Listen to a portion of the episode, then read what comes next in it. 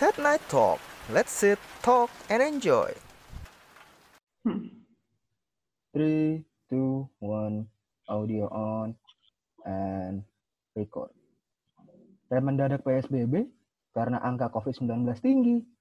Hmm, ekonomi yang tadinya merangkak berpeluang jadi resesi. Meskipun kerjaan mulai berlarian ke sana kemari, alias dieliminasi. Tapi kita harus tetap kuat dan menguatkan hati dengan menjalin komunikasi serta atensi kepada orang yang disayangi.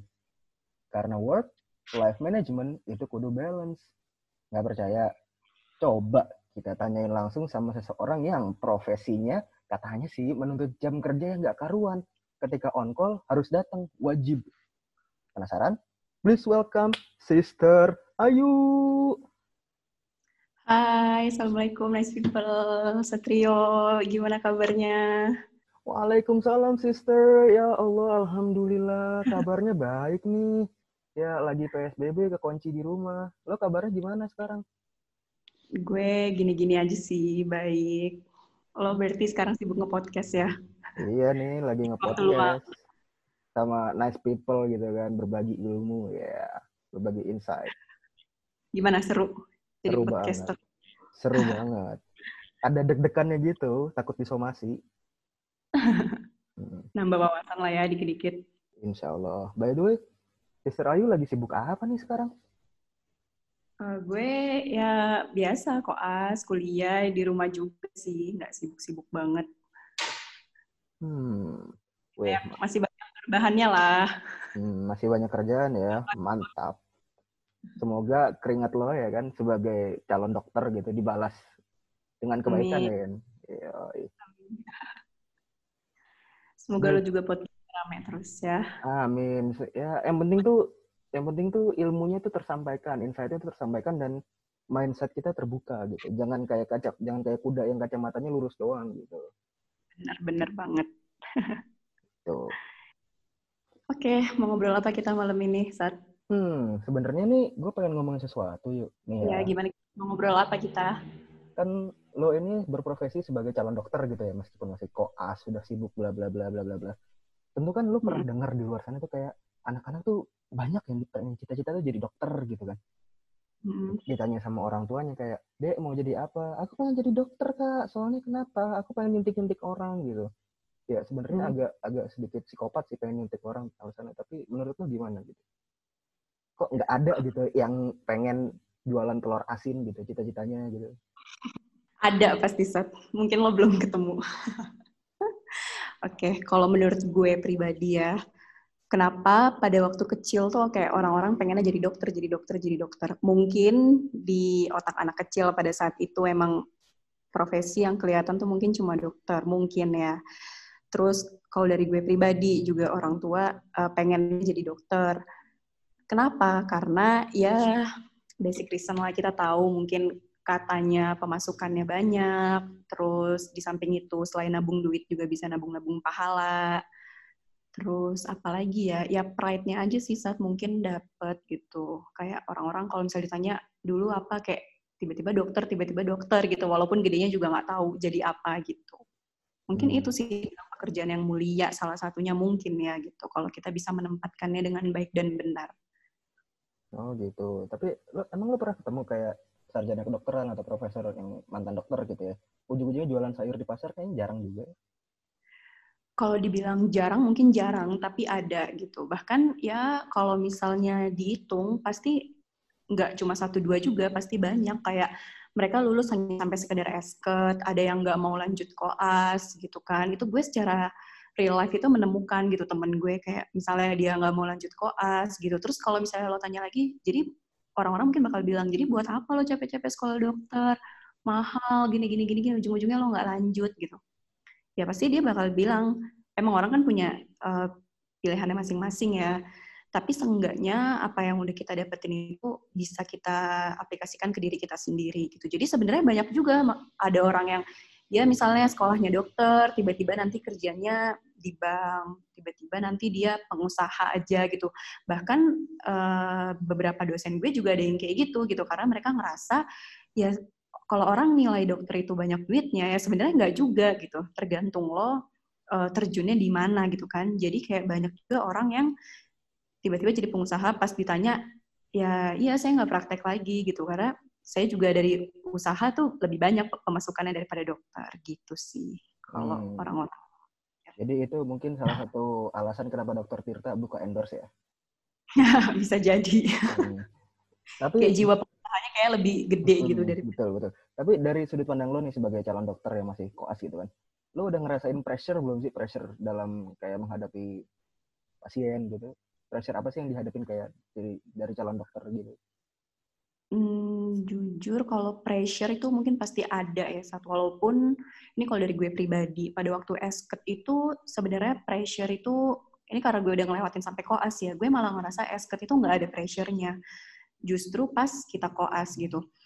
Jadi kalau misalnya koas kita kan mungkin terjun langsung ke pasien kan walaupun ya eh, gimana ya walaupun masih di bawah supervisi gitu kita masih di di bawah konsulen kita masih di bawah dosen kita dokter-dokter kita gitu. Soal soalnya jangankan ketemu pasien gitu lo kalau misalnya kita ya pokoknya intinya kalau misalnya lo udah di rumah sakit walaupun lo belajarnya sama dokter yang biasa jadi dosen lo di kampus tapi kalau hawanya itu udah di rumah sakit pressure tuh pasti dapet. Karena sebanyak apa pun lo belajar lo pasti ngerasa aduh gue nih uh, udah siap belum sih gitu? Kayak lo ngerasa siap nggak siap dengan ilmu yang udah lo punya gitu? Padahal lo udah belajar dari beberapa tahun yang lalu gitu. Jadi pressure-nya dapet banget sih. Apalagi kalau misalnya lo udah ada di rumah sakit. Mungkin uh, buat orang yang awal-awal ya saat tapi semakin lama dia terjun skillnya semakin terlatih jam terbangnya lebih tinggi ya mungkin nggak ada pressure sama sekali. Gitu sih. Udah biasa ya jadi rasanya ya. udah biasa. Malah karena kan kita juga pasti tahu kan misalnya kayak uh, penanganannya itu harus seperti apa terus uh, udah ada apa urutan-urutannya gitu-gitu mungkin malah bisa jadi pressure itu datangnya justru dari keluarganya pasien bukan dari pasien itu sendiri gitu Hmm, menarik nih. Tapi ngomongin soal pressure nih kan. Tapi ada sudut pandang lain nih, ya kan? Yang katanya nih dokter itu kan feedbacknya udah gede, mulai dari fasilitas dari rumah sakitnya juga, terus juga ada materinya juga, terus juga pride-nya juga dapat. Ya harus profesional dong, gitu kan. Meskipun itu dokter itu bertanggung jawab atas nyawa seseorang gitu. Menurut lo itu worth it nggak sih? Pressure yang sedemikian besar gitu kan? Dan lo hanya mendapatkan feedback seperti itu gitu. Kalau menurut gue masalah worth it nggak worth it itu sebenarnya balik ke pribadi masing-masing ya, Sat. Tergantung orangnya gitu. Jadi ada yang dia sebenarnya pemasukannya udah gede nih, tapi menurut dia itu masih kurang gitu kan.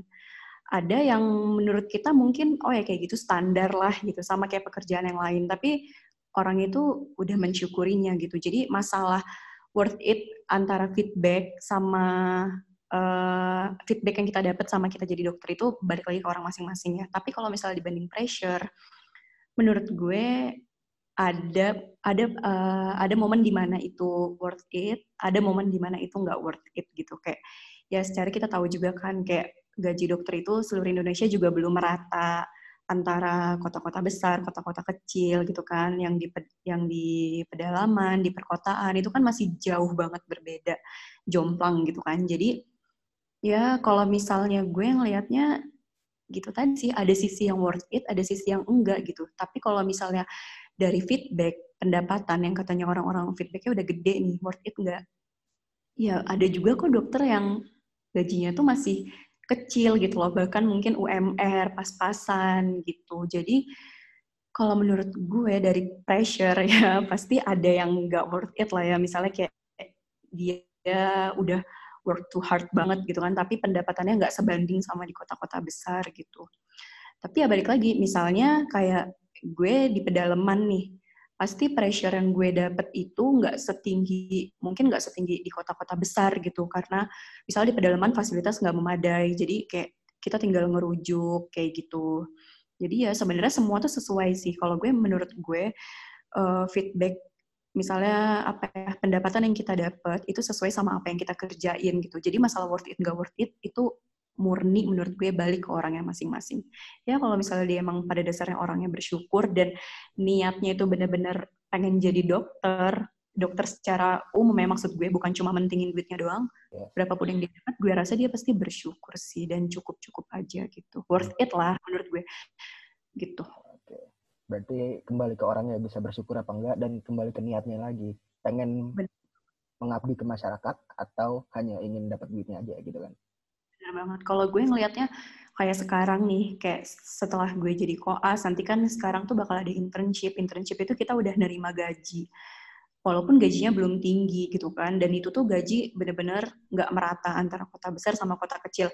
Tergantung biaya hidupnya juga kan. Mungkin di kota-kota yang justru jauh dari ibu kota itu bisa tinggi, misalnya di atas 5 juta sampai 10 jutaan, tapi bahkan di kota-kota besar itu kayak bahkan di bawah 5 juta gitu. Jadi tapi kan nggak mungkin uh, seorang dokter iship yang baru dilantik jadi dokter dengan pendapatnya segitu dia protes kayak aduh gue capek-capek sekolah bayar mahal gaji gue cuma segini gitu mungkin pada awalnya ada pikiran kayak gitu kan tapi kan sering berjalannya waktu dia pasti sadar kalau ya dulu juga dokter-dokter kita konsulen-konsulen kita itu juga dia lahir dari bawah dulu gitu nggak tiba-tiba gajinya Langsung gede gitu ya.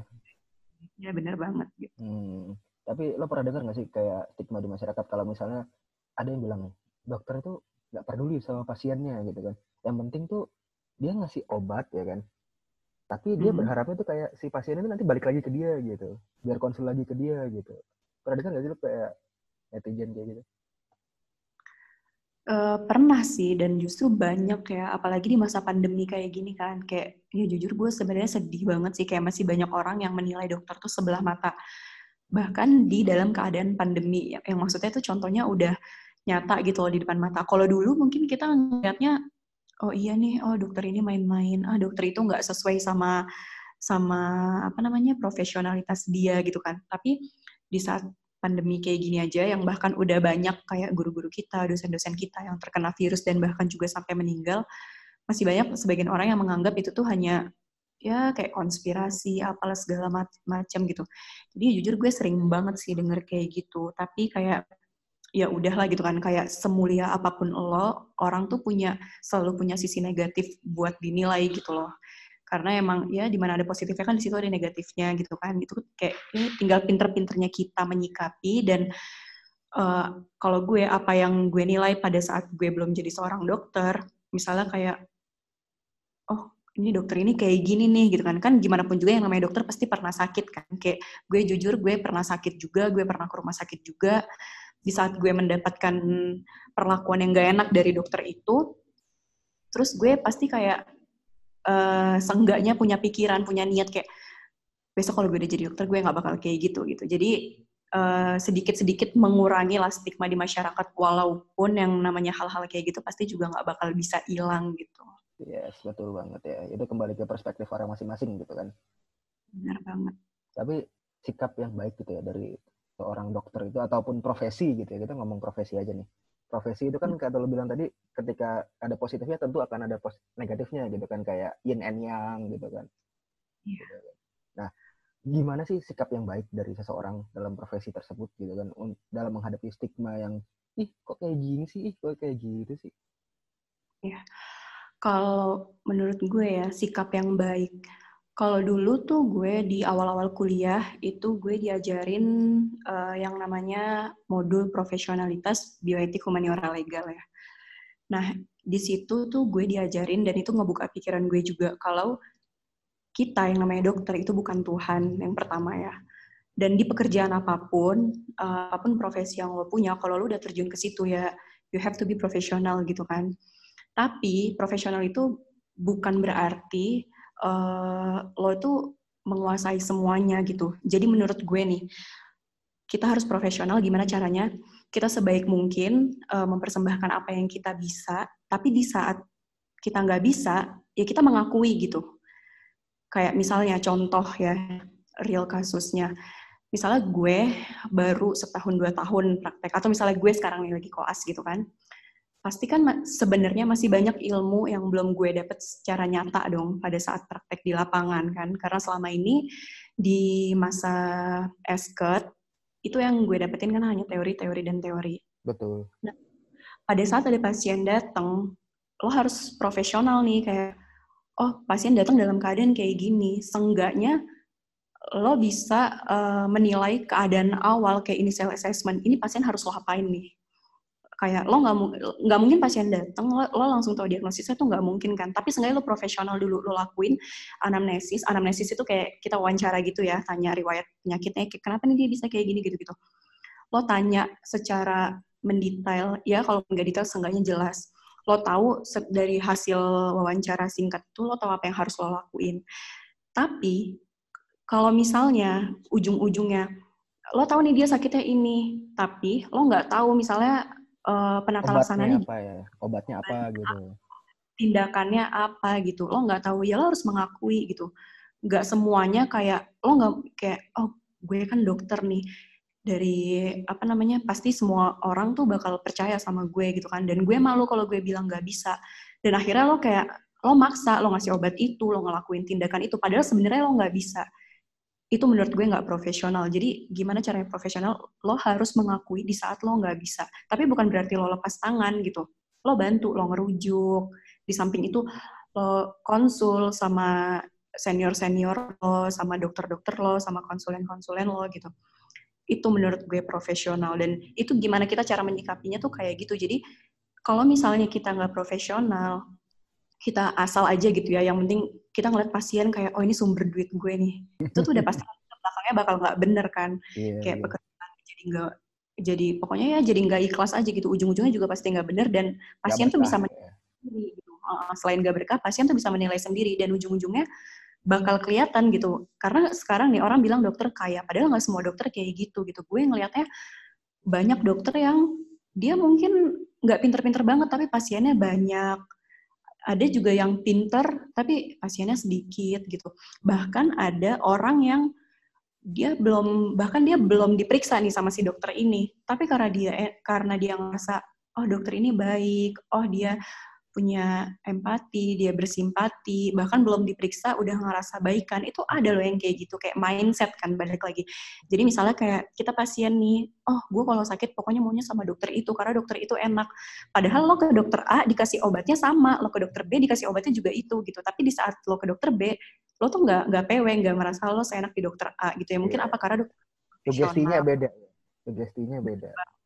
Jadi ya gitu aja sih paling cara nangkalin stigma kan emang nggak bisa kan tapi seenggaknya profesional di diri lo sendiri aja ketika uh, lo menerima kita bekerja nih mm-hmm. lakukan dengan benar apa yang lo tahu lo lakuin tapi kan pasti nggak semua hal kita tahu ya bahkan pekerja, dalam pekerjaan apa pun lah dan lo jangan malu buat bertanya itu sih intinya.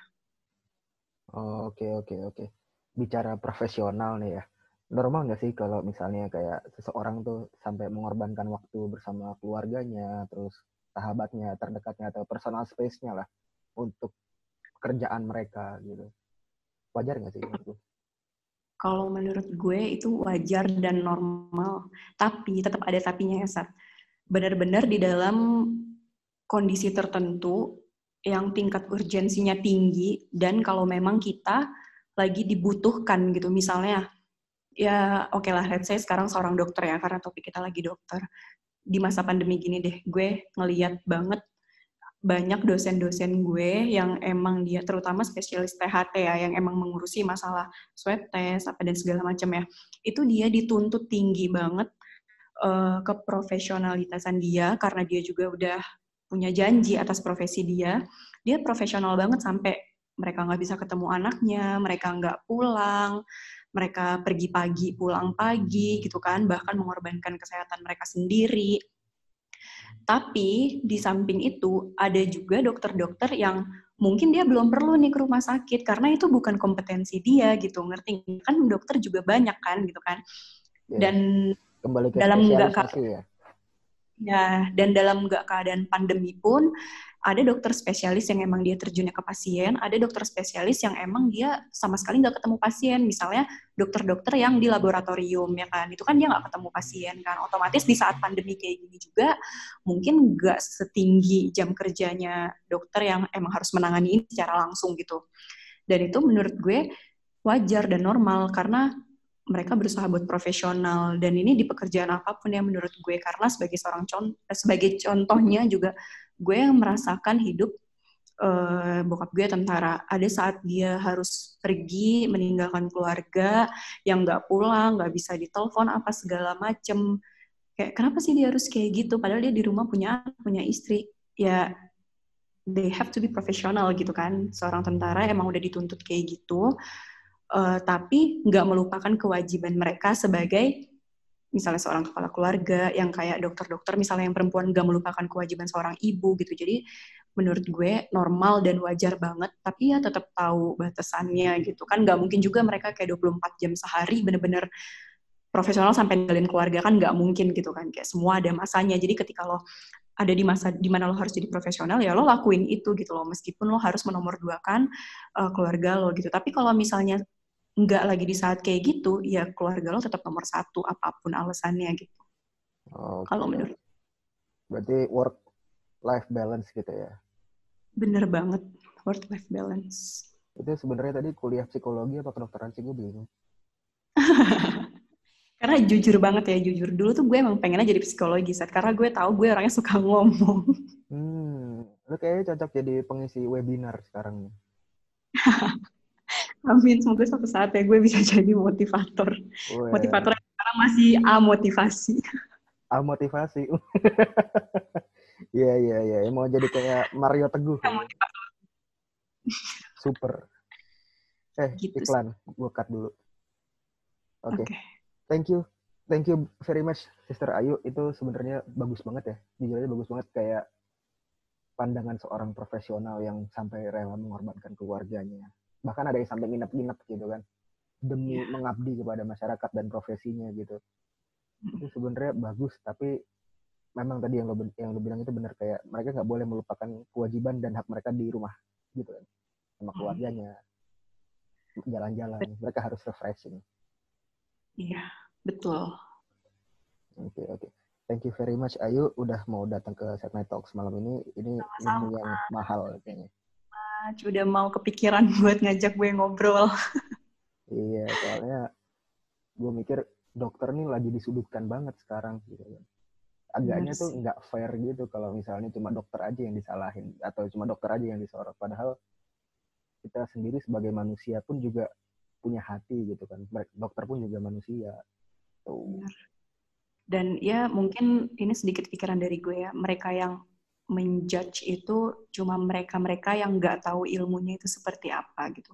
Kalau misalnya mereka tahu ilmunya gimana, pasti mereka nggak bakalan bilang kayak gitu sih, kalau menurut gue. Betul. Kita harus berpikiran luas, tidak berpikiran sempit, karena dunia nggak cuma sekitar lo doang. Oke, okay. thank you very much Ayu udah mau datang di Set Night Talks. Dan nice people juga Sampai ketemu lagi. Dah. Oke, okay. dadah. See you around. Dan gue Satrio di sini pamit dulu ya, nice people. Ciao.